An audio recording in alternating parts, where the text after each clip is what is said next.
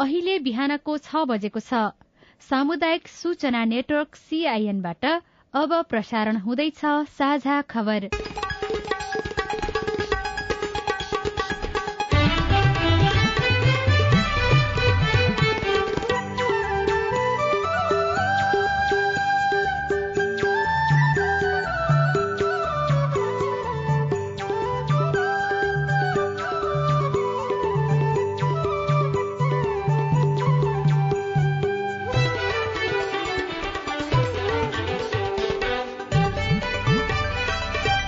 शुभ प्रभात यो सीआईएनको साझा खबर हो। सजना तिमल सिन्हासँगै लील प्रकाश चन्दको तपाईँलाई स्वागत छ। सामुदायिक रेडियोबाट देशैभरि एकैसाथ प्रसारण भइरहेको साझा खबर सीआईएन खबर डट कम र मोबाइल एप सीआईएनबाट पनि सुन्न सकिन्छ। आज दुई हजार उनासी साल पुष उन्नाइस गते मंगलबार जनवरी तीन तारीक सन् दुई हजार तेइस नेपाल सम्बत एघार सय त्रिचालिस पौष शुक्ल पक्षको द्वादशी तिथि। साझा खबरमा प्रमुख खबरका शीर्षकहरू। सरकारले एक हप्ताभित्रै विश्वासको मत लिने माघ पच्चीसमा राष्ट्रिय सभा उपनिर्वाचनको प्रस्ताव सातै प्रदेश सभा सक्रिय। न्यूनतम साझा कार्यक्रम बनाउन साझेदार दलबाट सुझाव संकलन कुल गारस्थ उत्पादनमा मध्य प्रदेशको हिस्सा तेह्र प्रतिशत पाँच करोड़ भारू प्रयोगविहीन। मध्य पूर्वका देशभन्दा मलेसियामा नेपालीको आकर्षण। हिमाल पारिका जिल्लामा हिउँ नपर्दै अत्यधिक चिसो कफी निर्यातमा बीस प्रतिशतले कमी। एक तिहाई देश आर्थिक संकटमा फस्ने चेतावनी रूसी ग्यास निर्यात पैंतालिस प्रतिशत घट्यो। अस्ट्रेलियामा दुईवटा हेलिकप्टर ठोकिँदा चारजनाको मृत्यु। र टी ट्वेन्टी क्रिकेटमा आज विराटनगर र काठमाडौँ तथा जनकपुर अनि लुम्बिनी खेल्ने तर आयोजक सम्पर्कविहीन भएपछि खेल हुने नहुने अन्यल।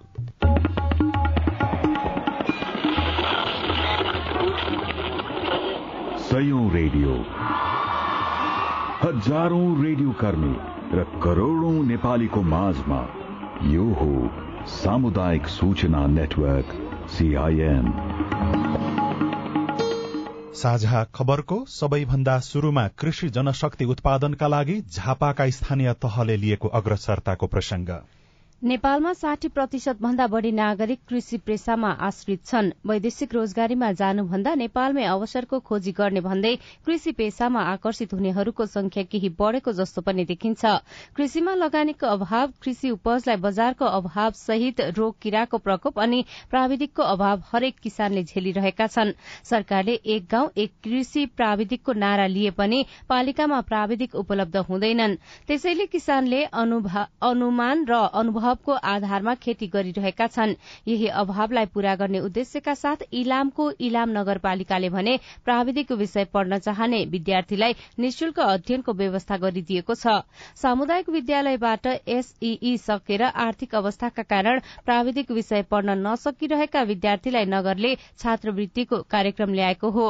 नगरको यो कार्यक्रमले आर्थिक अवस्था कमजोर रहेका अभिभावक र विद्यार्थीलाई हौसला मिलेको छ भने गाउँमै कृषि प्राविधिकको उपलब्धता पनि हुने अपेक्षा गरिएको छ। इलाम नगरपालिका दुईकी मनिषा नेउपानेको लक्ष्य बाली विज्ञान अध्ययन गर्ने थियो।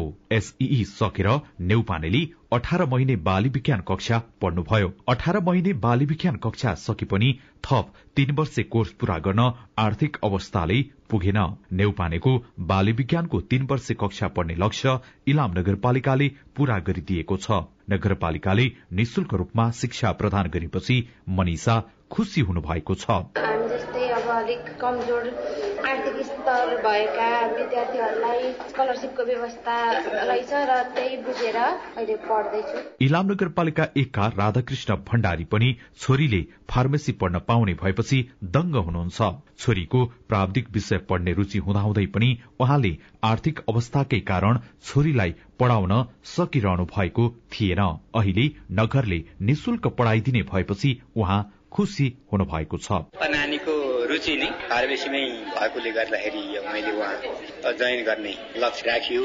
त्यसमा नगरपालिकाबाट प्राप्त कोटा परेको छ नानी। इलाम नगरपालिकाले यो वर्ष प्राविधिक विषय अध्ययन गर्ने चौध जना विद्यार्थीलाई निशुल्क रूपमा अध्ययनको व्यवस्था गरेको छ। विद्यार्थीलाई नगरले इलाम नगरपालिका एकमा रहेको रत्नकुमार बान्तोबा बहुप्राविधिक शिक्षालयमा छात्रवृत्तिको व्यवस्था गरी यो सुविधा दिएको हो। नगरका बाह्रवटा वडाबाट दुईजनाका दरले चौबिसजना विद्यार्थीको कोटा रहे पनि चौधजना विद्यार्थी मात्र उत्तीर्ण भएका छन्। सामुदायिक विद्यालयबाट एसईई उत्तीर्ण गरेर आएका विद्यार्थीलाई मात्र इलाम नगरपालिकाले छात्रवृत्तिको व्यवस्था गरेको हो। नगर प्रमुख केदार थापा। आज तपाईँहरूले फार्मेसी पढ्नको निमित्त प्लान्ट साइन्स र फरेस्ट्री अनि पशु चिकित्सक पढ्नको लागि यो हामीले छात्रवृत्ति तपाईँहरूलाई दिएका छौँ। एउटा गरिब असहाय विद्यार्थीहरूलाई जो सामुदायिक विद्यालयबाट अध्ययन गरेका विद्यार्थीहरू हुनुहुन्छ तीहरूलाई हामीले सम्बोधन गर्ने यो ठूलो अवसर प्राप्त गरेका छौँ। छात्रवृत्ति छनौटमा परेका विद्यार्थीले तीन वर्षसम्म सिभिल इन्जिनियर वन विज्ञान पशु विज्ञान फार्मेसी र बाली विज्ञान अध्ययन गर्न पाउनेछन्। तीन वर्षको अध्ययनपछि विद्यार्थीले एक वर्ष नगरपालिकाको मातहतमा रहेर काम गर्नुपर्नेछ। यो कार्यक्रमका लागि पालिकाले यो वर्ष दस लाख रूपियाँ बजेट विनियोजन गरेको छ। Gopal Niraula CIN Nepalvani FM Ilam. Ilam Jhapa Syangja Palpa लगायतका विभिन्न स्थानीय तहहरूले पनि यस्तो प्रकारको कार्यक्रम ल्याउनको लागि छलफल चलाइरहेको जनप्रतिनिधिहरूले बताउने गरेका छन्। अब राजनैतिक प्रसंग प्रधानमन्त्री पुष्पकमल दाहाल प्रचण्डले संसद अधिवेशन बसेको दोस्रो दिन नै विश्वासको मत लिने प्रस्ताव राख्नु भएको छ। प्रतिनिधि सभाको पुष छब्बीसको कार्यसूचीमा विश्वासको मत लिने प्रस्ताव समावेश गर्न प्रचण्डले संसद सचिवालयका महासचिवलाई पत्र पठाउनु भएको छ। राष्ट्रपति विद्यादेवी भण्डारीले पुष पच्चीसमा संघीय संसदको अधिवेशन आह्वान गर्नुभएको छ। प्रधानमन्त्रीले आफूमाथि प्रतिनिधि सभाको विश्वास भएको स्पष्ट पार्न विश्वासको मत लिनुपर्ने संवैधानिक व्यवस्था छ। प्रस्ताव प्रतिनिधि सभामा तत्काल कायम रहेका सम्पूर्ण सदस्य संख्याको बहुमत पारित गर्नुपर्ने हुन्छ पारित नभएमा सरकार अल्पमतमा पर्छ। प्रतिनिधि सभामा दुई सय पचहत्तर सदस्य छन्। यसको बहुमत पुर्याउन दाहालको पक्षमा कम्तीमा एक सय अडतिस सांसद हुनुपर्नेछ यसैबीच प्रधानमन्त्री पुष्पकमल दाहाल प्रचण्डले नेपाल सरकारका सचिव र सहसचिवहरूसँग मन्त्रालयगत प्रगति गुनासो र समस्याका सम्बन्धमा जानकारी लिनुभएको छ। प्रधानमन्त्री प्रचण्डले सिंहदरबार स्थित मन्त्री परिषदको कार्यालयमा हिजो गर्नुभएको छलफलमा सबै मन्त्रालयका सचिव र सहसचिवहरूले मन्त्रालयगत प्रतिवेदन प्रस्तुत गरेका थिए। प्रधानमन्त्रीका प्रेस संयोजक सूर्य किरण शर्माका अनुसार प्रधानमन्त्री प्रचण्डले सबै मन्त्रालयका सचिव र सहसचिवहरूबाट गुनासो सुन्नुभयो। उप प्रधान तथा गृहमन्त्री रवि लामिछानेले सेवामा टाइम कार्ड लागू गर्न प्रमुख जिल्ला अधिकारीहरूलाई निर्देशन दिनुभएको छ। हिजो सतहत्तर जिल्लाकै प्रमुख जिल्ला अधिकारीलाई भर्चुअल माध्यमबाट निर्देशन दिँदै उहाँले सेवा वा गुनासो आउन नदिन र टाइम कार्डको अभ्यास गर्न भन्नुभयो। सबै सेवाग्राहीमाथि समयाभावको दृष्टिकोण समभावको दृष्टिकोण राखेर काम गर्न पनि उहाँले भन्नुभएको छ। राष्ट्रिय परिचय पत्र तथा राहदानी बनाउन काठमाडौँ आउनै नपर्ने गरी सेवा गर्न पनि उहाँले निर्देशन दिनुभएको छ। सातमध्ये अस्ति एक र हिजो छवटा प्रदेश सभाको बैठक बसेको छ। केहीले सभामुख तथा आगामी सरकार निर्माणका लागि प्रक्रिया पनि शुरू गरिसकेका छन्। नवनिर्वाचित सुदूरपश्चिम प्रदेश सभाका सदस्यहरूले आगामी पाँच वर्षमा सुदूरपश्चिमलाई समृद्ध बनाउने संकल्प गरेका छन्। प्रदेश सभाको दोस्रो कार्यकालको पहिलो बैठकमा बोल्दै प्रदेशसभा सदस्यहरूले त्यहाँ विद्यमान कुसंस्कार कुरीति अन्त्य गर्दै प्रदेशलाई विकास र समृद्धिको मार्गमा अगाडि बढ़ाउन प्रदेशसभा मार्फत एकजुट भएर भूमिका खेल्ने प्रतिबद्धता व्यक्त गरेका छन्। यस्तै कर्णाली प्रदेश सभाको पहिलो बैठकमा दलका नेता तथा सांसदहरूले कर्णालीको विकासप्रति आफ्ना प्रतिबद्धता तथा समसामयिक राजनीतिक विषयमा चर्चा गरेका छन्। प्रदेशका मुख्यमन्त्री तथा कांग्रेसका संसदीय दलका नेता जीवन बहादुर शाहीले कर्णालीको विकासका लागि ऐन कानून राम्रो बनाउनु पर्ने अवस्था आएको बताउनु भएको छ। यस्तै प्रदेश सभाको पहिलो बैठकले लुम्बिनी प्रदेशसभा नियमावली दुई हजार उना पारित गरेको छ। हिजो बसेको पहिलो बैठकले उक्त नियमावली पारित गरेको हो। ज्येष्ठ सदस्य डिलीराज भूषालले लुम्बिनी प्रदेशसभा नियमावली दुई हजार पारित गरियोस् भनी प्रस्तुत गरेको प्रस्ताव सदनले पारित गरेको हो। यता गण्डकी प्रदेशसभाको नयाँ अधिवेशन हिजोदेखि नै शुरू भएको छ। हिजो बसेको पहिलो बैठकमा दुई अध्यादेश पेश भएका छन् भने बागमती प्रदेशसभाको दोस्रो कार्यकालको पहिलो बैठकमा विभिन्न पाँचवटा अध्यादेश टेबल गरिएको छ। बैठकमा प्रदेश सभा नियमावली दुई हजार चौरात्तर पहिलो संशोधनलाई अंगीकार गरी बैठक सञ्चालन गर्ने प्रस्ताव बहुमतले पारित गरेको छ भने मधेस प्रदेशको दोस्रो कार्यकाल हिजोबाट नै औपचारिक रूपमा शुरू भएको छ। पहिलो बैठकमा मुख्यमन्त्री सहित विभिन्न दलका नेताले सम्बोधन गरे पाँच वर्ष मुख्यमन्त्री रही। दोस्रो कार्यकालका लागि पुनः सांसदमा निर्वाचित भएका लालबाबु राउतले अझै पनि संघीयता कार्यान्वयनमा चुनौती रहेको बताउनु भएको छ।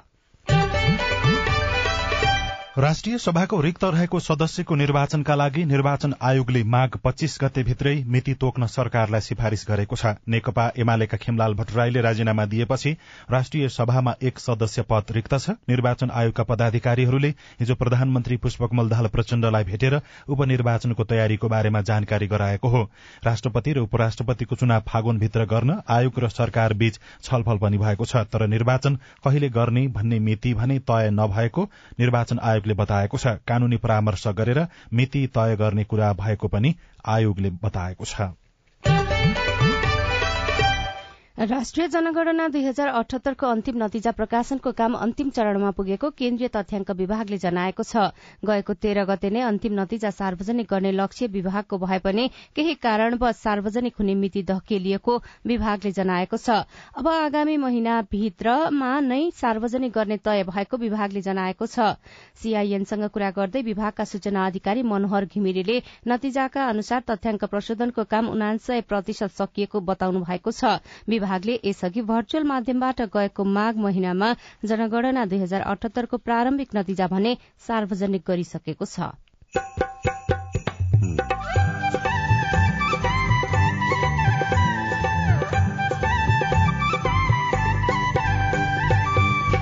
सामुदायिक सूचना नेटवर्क सीआईएन मार्फत देशभरि प्रसारण भइरहेको साझा खबरमा पोखरा अन्तर्राष्ट्रिय विमानस्थलको सम्भावना र शंका आकर्षण दिन सक्ने कुराहरू बनाउनु पर्यो आउने घरि पाहुना आउने खालको बनाउनु पर्यो नि हामीले। त्यही अनुसारको वातावरण हामीले पाउन सक्दैनौँ। बनाउन सक्यो भने त हामीलाई थाहा हुन्छ त। मध्यपूर्वका देशमा भन्दा मलेसियामा नेपालीको आकर्षण।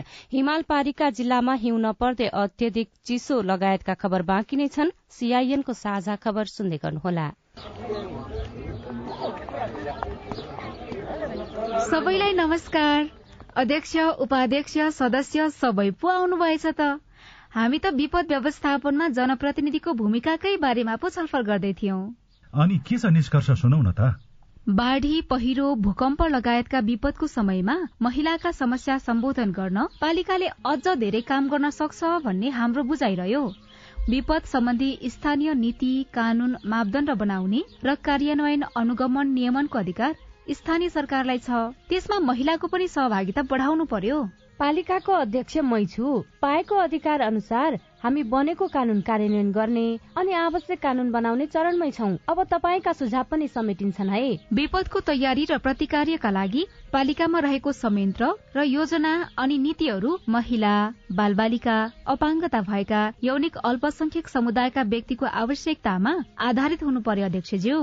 दिदी बहिनीहरूले सही कुरा उठाउनु भयो यहाँ उठेका सबै कुरा कार्यपालिकाको बैठकमा राख्ने प्रतिबद्धता जनाउँदै बरु अध्यक्षज्यू अहिलेसम्म बनेका कानून कस्तो बने? अनि भविष्यमा कस्तो बनाउने भन्ने बारे भोलि नै एउटा छलफल राखौँ न हुन्न? विपद पहिले विपदको बेला र विपद पछि कस्तो नीति बनाउने र महिलालाई कसरी सम्बोधन गर्ने भन्ने बारेमा भोलि नै सर्वपक्षीय बैठक गरौं। आएका सुझाव समेटेर बनेका कानून संशोधन र नयाँ कानून बनाउन पालिका तयार छ। विपद सम्बन्धी कानून निर्माण र कार्यान्वयनमा महिलाको अर्थपूर्ण सहभागिता खोजौं। युएन उमनको सहयोगमा ल्याक र अकोराब नेपाल। सामाजिक रूपान्तरणका लागि यो हो सामुदायिक सूचना नेटवर्क सीआईएन तपाई अहिले देशभरिका सामुदायिक radio CIN Khabar dot com र मोबाइल एप सीआईएनबाट एकैसाथ साझा खबर सुन्दै हुनुहुन्छ। मोबाइल एप नेपाली पात्रोबाट पनि सीआईएनको साझा खबर सुनिरहनु भएको छ। अब बाँकी खबर। नेपालबाट कफी निर्यात बीस प्रतिशतले घटेको भन्सार विभागले जनाएको छ। गत आर्थिक वर्षका शुरूका साढे पाँच महिनामा तीन करोड़ अन्ठाउन्न लाख पन्ध्र हजार रूपियाँको नेपाली कफी निर्यात भएको थियो। तर गएको साउन यताका साढे पाँच महिनामा दुई करोड़ चौरासी लाख छब्बीस हजार रूपियाँको मात्र कफी निर्यात भएको छ। यो त्रिहत्तर लाख उनानब्बे हजार रूपियाँ कम हो। यस वर्ष सबैभन्दा धेरै जर्मनीमा एक करोड़ बयानब्बे हजार रूपियाँको नेपाली कफी निर्यात भएको छ। गत वर्ष भने नेपालले सबैभन्दा धेरै स्विजरल्याण्डमा कफी निर्यात गरेको थियो। गत वर्ष एक करोड़ बाहन्न लाखको कफी किनेको स्विजरल्याण्डले यस वर्ष भने नेपालबाट जम्मा दुई लाख नब्बे हजार रूपियाँको मात्रै कफी किनेको छ। संसारमै उत्कृष्ट मध्ये एक मानिने नेपालको coffee Japan Australia America Korea Germany बेलायत क्यानाडा लगायतका देशमा निर्यात हुने गरेको छ। कफी निर्यात घट्नुको कारणबारे राष्ट्रिय चिया तथा कफी बोर्डका कार्यकारी निर्देशक विष्णु प्रसाद भट्टराईले भन्नुभयो। अब बल्ल हार्भेस्टिङ हुँदैछ कि कफीको होइन? अब एकचोटि बढ्छ फेरि किनभने एनुअल त राम्रै इन्क्रिजै हुन्छ प्रोडक्सन अहिले बढेको छ कफीको। त्यस्तो स्पेसिफिक केही कारणले भन्ने चाहिँ त्यस्तो होइन। अब त्यो ट्रेडर्सहरूसँग किन नभएको भन्ने चाहिँ सरसल्लाह गर्नुपर्ने छ खास। त्यस्तो पोलिसीगत हिसाबले उनी कन्ट्रीले कुनै त्यस्तो ट्रेडमा उ गरेको नेगेटिभ गरेको चाहिँ होइन त फेरि। अहिले पनि हाम्रो कफी स्पेसलिटी कफीको चाहिँ डिमान्ड चाहिँ बढेकै छ बाहिर है। बोर्डका अनुसार नेपालमा वार्षिक उनातिस करोड़ पचहत्तर लाख मूल्यको वार्षिक चार लाख चौतिस मेट्रिक टन कफी उत्पादन हुने गरेको छ। यसैबीच चालू आर्थिक वर्षको साढे पाँच महिनामा राजस्व संकलन लक्ष्य भन्दा पच्चीस प्रतिशतले कमी आएको छ। आन्तरिक राजस्व विभागका अनुसार गएको साउन यता साढे पाँच महिनामा तीन खर्ब पचास अर्ब रूपियाँ राजस्व संकलन भएको हो। अब आज काठमाडौँबाट प्रकाशित पत्र पत्रिकाको खबर। चीनले माग्यो जीएसआईमा समर्थन शीर्षकमा जगदीश्वर पाण्डेले खबर लेख्नु भएको छ कान्तिपुर दैनिकमा। चीनले सुरक्षा कार्यक्रम ग्लोबल सेक्युरिटी इनिसिएटिभ जीएसआईलाई संयुक्त रूपमा अघि बढ़ाउन नेपालको साथ खोजेको छ।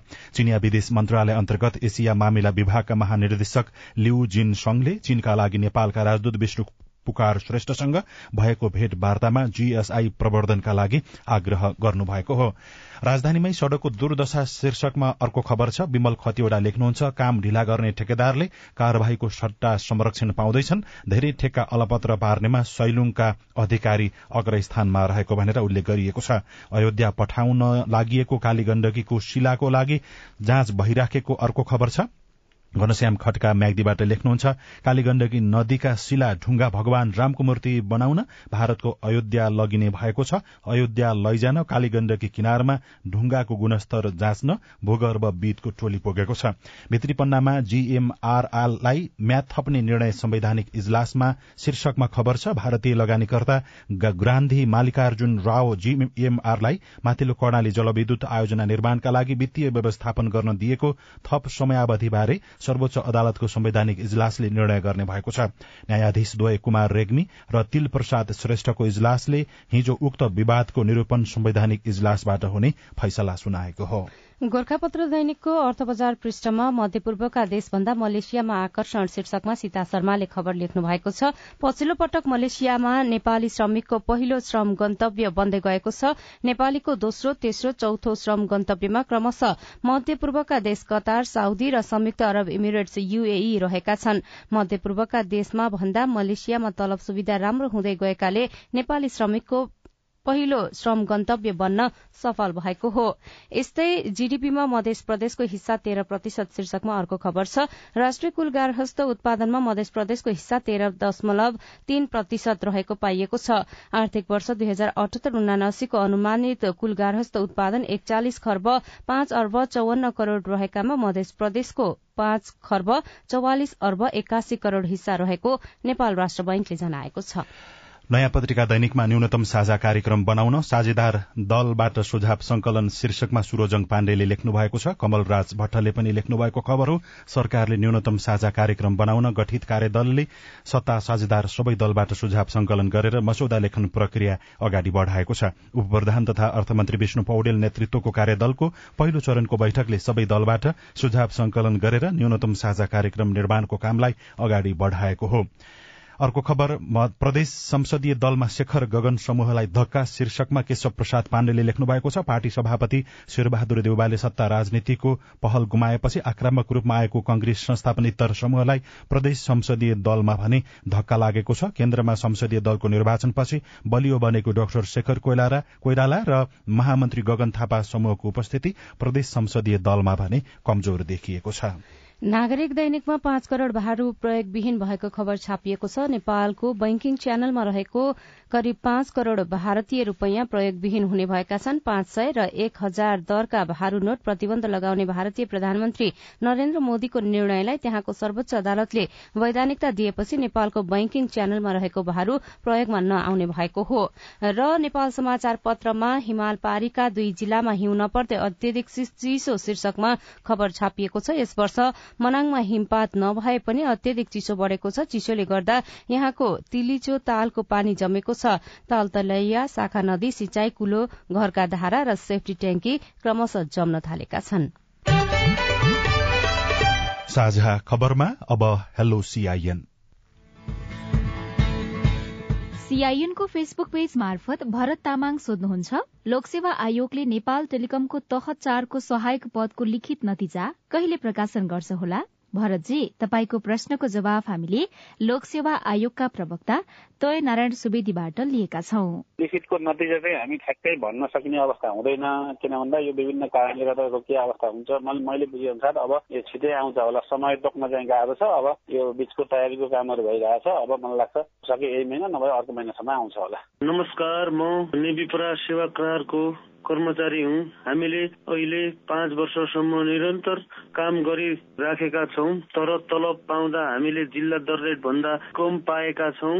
जिल्ला दर रेट आठ सय पचास छ भने हामी सुपका पहाडी जिल्लाका सेवा करार कर्मचारीले अहिलेसम्म चार सय साठीका दरले पाइआएका छौँ। तर अस्ति सिआइएनबाट सुरेश बहादुर भट्टराई सरले जिल्ला दर रेट बमोजिम दिएको भन्ने सुन्यौं तर हामीले काम गर्ने ठेकेदारहरू मोटाउने काम कहिले अन्त्य हुन्छ? तपाईँको गुनासो हामीले नेपाल विद्युत प्राधिकरणका प्रवक्ता सुरेश बहादुर भट्टराईलाई सुनाएका छौं। अब एनइएले नै राखेका पुराना आयोजनाबाट ह्यान्डओभर हुँदा आएकाहरू चाहिँ जिल्ला दर रेटमै छ भनेको मेरो जानकारीमा छ। तर अन्य चाहिँ अब अहिले नयाँ नयाँ विभिन्न ड्राइभरहरू विभिन्न एक त दुई त तिन तका जस्तो कर्मचारीहरू चाहिँ हामीले ठेकेदार मार्फतै लिन्छौँ। भनेपछि ठेकेदार मार्फत नियुक्त भएका कर्मचारीले कति पैसा पाउँछन् त्यो जिल्ला दर रेट अनुसार छ कि छैन भन्ने विषयमा नेपाल विद्युत प्राधिकरणको कुनै पनि भूमिका हुँदैन। हामीलाई थाहा हुँदैन के सम्झौता भएर आउनुहुन्छ अनि त्यो चाहिँ वर्णन विद्युत प्राधिकरणले लिँदैन पनि। चितवनबाट अर्पण शर्मा सोध्नुहुन्छ नेपाल टेलिकमको ई सिम कसरी लिन सकिन्छ? जानकारी गराउँदै हुनुहुन्छ नेपाल टेलिकमका प्रवक्ता शोभन अधिकारी। हाम्रो अहिले नेपालभरिको काउन्टरहरूबाट हाम्रो अफिसको काउन्टरहरूबाट चाहिँ हामीले इसिम वितरण गरिरहेछौँ। उहाँको अब नजिक कहाँ पर्छ त्यहाँ एकचोटि काउन्टरमा गएर बुझ्दाखेरि त्यहाँबाट उहाँले लिन सक्नुहुन्छ। पुरानै नम्बरमा सिम परिवर्तन गर्ने हो भने अहिलेको लागि चाहिँ हामीले निशुल्क गरिरहेछौँ। नयाँ चाहिँ पोस्ट पेडको मात्रै हामीले ई वितरण गरिरहेछौँ अहिले। प्रिपेडको चाहिँ अहिले नयाँ सिम चाहिँ ई हामीले सुरु गरेका छैनौँ होइन। तपाईँ जुनसुकै बेला हाम्रो टेलिफोन नम्बर शून्य एक बान्न साठी छ चार छमा फोन गरेर आफ्नो विचार प्रश्न गुनासो तथा प्रतिक्रिया रेकर्ड गर्न सक्नुहुन्छ। साझा खबरमा अब विदेशका खबर। अन्तर्राष्ट्रिय मुद्रा कोष आईएमएफले यस वर्ष विश्वका एक तिहाई देशमा आर्थिक मन्दी आउने चेतावनी दिएको छ। आईएमएफका प्रमुख क्रिस्टलिना जर्जिवाले विश्वका एक तिहाई देशमा यस वर्ष आर्थिक मन्दी छाउने र त्यसबाट लाखौं मानिस प्रभावित हुने बताउनु भएको हो। विश्वका तीन प्रमुख अर्थतन्त्रहरू अमेरिका युरोपेली संघ र चीन एकसाथ सुस्त गतिमा चलेका हुनाले यस्तो परिस्थिति आउने उहाँको भनाइ छ। पूर्व सोभियत गणतन्त्रको समूह बाहिरका देशमा सन् दुई हजार बाइसमा रूसी ग्यासको निर्यात पैंतालिस दशमलव पाँच प्रतिशतले घटेको छ।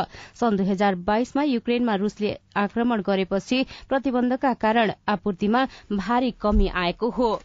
र अस्ट्रेलियामा दुईवटा हेलिकप्टर ठोकिँदा चारजनाको मृत्यु भएको छ। गोल्ड कोस्टको सी वर्ल्ड नजिकै दुईवटा हेलिकप्टर ठोकिएका बीबीसीले जनाएको छ। एउटा उडान भर्ने क्रममा र अर्को अवतरण गर्ने क्रममा दुईवटा हेलिकप्टर ठोकिएका खबरमा उल्लेख छ दुर्घटनाको अनुसन्धान हुने भएको छ। साझा खबरमा अब खेलकुदका खबर। आयोजकहरू सम्पर्क बाहिर गएपछि Nepal T twenty league cricket प्रतियोगिता आजदेखि नहुने सम्भावना बढ़ेको छ। साठी प्रतिशत खेलहरू सम्पन्न भइसके पनि खेलाड़ी तथा अफिसियलले कुनै पारिश्रमिक नपाउँदा टी ट्वेन्टी लीग स्थगितको संघारमा पुगेको छ।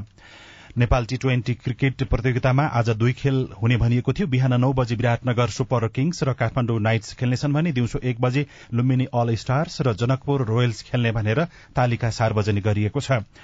रारा आहा पोखरा गोल्ड कप फुटबलमा हिजो संकटा क्लब सेमी फाइनलमा पुगेको छ। संकटाले विभागीय टोली त्रिभुवन आर्मी फुटबल क्लबलाई तीन एकले हराउँदै अन्तिम चारको यात्रा पक्का गरेको हो। आज मनाङ मर्स्याङदी क्लब र भूटानी युथ स्पोर्ट्स क्लब अमेरिका आमने सामने हुने भएका छन्। नेपालमा अन्तर्राष्ट्रिय विमानस्थल निर्माण र चुनौती रिपोर्ट अरू खबर र कार्टुन पनि बाँकी नै छ। सीआईएनको साझा खबर सुन्दै गर्नुहोला। सीआईएनको साझा खबर अब नेपाली पात्रोमा पनि। स्थानीय राष्ट्रिय तथा अन्तर्राष्ट्रिय समाचार नेपाली एफएम तथा अनलाइन रेडियोहरू एकै ठाउँमा सुन्न तिथि मिथि तथा पञ्चाङ्ग सम्बन्धी सबै जानकारी लिन। अन्तर्राष्ट्रिय मुद्राको नेपाली विनिमय दर सुन चाँदीको दर भाव मौसम सम्बन्धी सूचना र सार्वजनिक विधा बारेको जानकारी लिन पनि।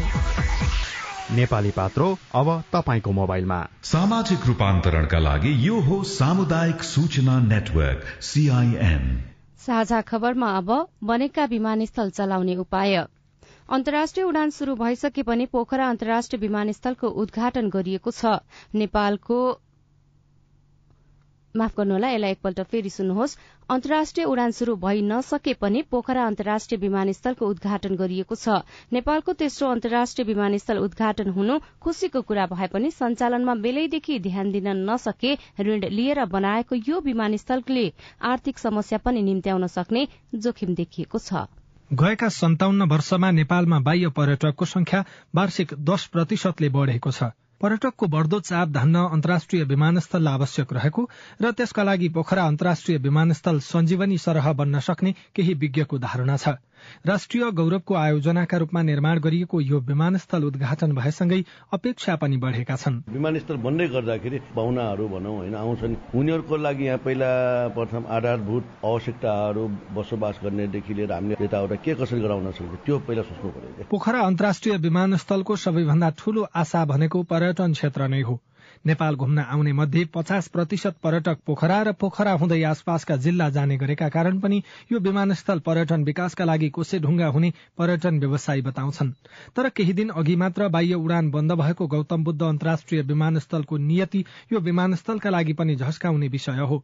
पोखरा अन्तर्राष्ट्रिय विमानस्थलको नियति त्यस्तो नहुने आयोजना पूर्व प्रमुख ओम शर्मा दावी गर्नुहुन्छ। इन्डियाको झण्डै हामी चालिस करोड पपुलेसन एकदम नजिक छौँ यो पपुलेसनलाई हामी कहाँ आकर्षण दिन सक्ने कुराहरू बनाउनु पर्यो आउने गरी पाहुना आउने खालको बनाउनु पर्यो नि हामीले। त्यही अनुसारको वातावरण हामीले बनाउन सक्दैनौँ। बनाउन सक्यो त हामीलाई थाहा हुन्छ त करिब सत्ताइस अर्ब रूपियाँ खर्चेर बनेको पोखरा अन्तर्राष्ट्रिय विमानस्थलका लागि चीनसँग बाइस अर्ब रूपियाँ ऋण लिइएको छ। बीस वर्षभित्र तिरिसक्नु पर्ने ऋणको पचहत्तर प्रतिशत अंशमा वार्षिक दुई प्रतिशत ब्याज लाग्छ। कमजोर अर्थतन्त्र भएको देशमा यो महँगो विमानस्थलले कस्तो प्रतिफल देला? अर्थविद रामेश्वर खनाल। एउटा विमानस्थल निर्माण गरियो भने त सय वर्षको लागि हो होइन? आजको भोलि नै यसले प्रतिफल दिएर पाँच वर्षभित्रमा ऋण तिरिएला भन्ने चाहिँ हुँदैन। पोखराको जुन विमानस्थलको क्षमता छ त्यो पन्ध्र बिस लाख भन्दा बढी वार्षिक यात्रु त्यसले ह्यान्डल गर्न गाह्रो हुन्छ। पन्ध्र बिस लाख यात्रु त्यहाँ जाने अवस्था बन्यो भने त पोखरा विमानस्थल चाहिँ घाटैमा जाने अथवा सेतुवाप्ती हुने भन्ने सम्भावना म चाहिँ देख्दैन। पोखरा अन्तर्राष्ट्रिय विमानस्थल देशका लागि महत्वपूर्ण पूर्वाधार हो। तर उद्घाटन भएकै दिन चीनका अधिकारीहरूले यो विमानस्थल बेल्ट तथा रोड इनिसिएटिभ अर्थात बीआरआई अन्तर्गत नै रहेको बताएपछि यसले राजनैतिक रंग पनि लिने हो कि भन्ने देखिएको छ। अर्कातिर भारतले उडान अनुमति नदिए यो विमानस्थलसँग गरिएका अपेक्षा पूरा हुन नसक्ने खतरा रहेको विज्ञहरू औल्याउँछन्।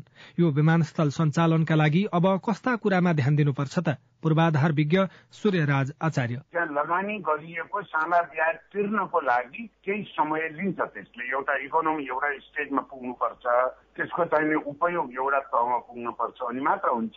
त्यस अर्थमा अहिले खास गरी भौतिक पूर्वाधार आयोजनाका सबै हामीले ऋण लिएरै बनाउनु पर्छ धेरैमा। हाम्रो सीमित स्रोत साधन छ र त्यस्ता आयोजनाहरूको आमदानीबाटै त्यो ऋण तिर्न सक्नुपर्छ भन्ने बुझाइ चाहिँ पूर्ण रूपमा सही बुझाइ चाहिँ होइन फेरि धेरै खुशी र केही संशयका बीच उद्घाटन गरिएको पोखरा अन्तर्राष्ट्रिय विमानस्थल सेतु हात्ती बन्न सक्ने विज्ञहरूले औल्याउँदै आएका छन्। अविनाश आचार्य सीआईएन काठमाडौँ। रिपोर्टसँगै हामी साझा खबरको अन्त्यमा आइपुगेका छौं। सामुदायिक रेडियो प्रसारक संघद्वारा संचालित सीआईएनको बिहान छ बजेको साझा खबर सक्नु अघि मुख्य मुख्य खबर फेरि एकपटक। सरकारले एक हप्ताभित्र विश्वासको मत लिने माघ पच्चीसमा राष्ट्रिय सभा उपनिर्वाचनको प्रस्ताव सातै प्रदेश सभा सक्रिय। न्यूनतम साझा कार्यक्रम बनाउन साझेदार दलबाट सुझाव संकलन कुल गारस्थ उत्पादनमा मध्य प्रदेशको हिस्सा तेह्र प्रतिशत पाँच करोड़ भारू प्रयोगविहीन। मध्यपूर्वका देशमा भन्दा मलेसियामा नेपालीको आकर्षण हिमाल पारीका जिल्लामा हिउँ नपर्दै अत्यधिक चिसो कफी निर्यात बीस प्रतिशतले कम। एक तिहाई देश आर्थिक संकटमा फस्ने चेतावनी रूसी ग्यास निर्यात पैंतालिस प्रतिशत घट्यो। अस्ट्रेलियामा दुईवटा हेलिकप्टर ठोकिँदा चारजनाको मृत्यु। र टी ट्वेन्टी क्रिकेटमा आज विराटनगर र काठमाडौँ तथा जनकपुर र लुम्बिनी खेल्ने तालिका तर आयोजक सम्पर्कविहीन भएपछि खेल हुने नहुने अन्यल। साझा खबरको अन्त्यमा कार्टुन। कार्टुन हामीले नयाँ पत्रिका दैनिकमा रवि मिश्रले बनाउनु भएको कर्नर किक शीर्षकको कार्टुन लिएका छौं। व्यङ्ग्य गर्न खोजिएको छ। गृहमन्त्री रवि लामिछानेले मन्त्रालयको हलमा इमर्जेन्सी रूपमा एक्जिट अर्थात अप्ठ्यारो परेको बेलामा निस्कनको लागि बाटो बनाउनको लागि भनेर निर्देशन दिनुभयो। यहाँ गृहमन्त्री लामिछाने र अर्का कुनै मन्त्रालयका सचिव जस्ता देखिने व्यक्ति उभिएर केही कुराकानी गर्दैछन्। गृहमन्त्री लामिछानेलाई ती सचिव जस्ता देखिने व्यक्तिले केही भनिराखेका छन्। माथि चाहिँ यस्तो लेखिएको छ। होइन के भन्नुभयो यस्तो? यता आएपछि त रेगुलर एक्जिट नि बन्द गर्न पो खोज्थे त अरू मन्त्रीहरू। हवस् त। प्राविधिक साथी सुनिल राज भारतलाई धन्यवाद। अहिलेलाई लील प्रकाश चन्द र सजना तिमल सिन्हा विदा भयौं। तपाईँको आजको दिन शुभ होस्। नमस्कार।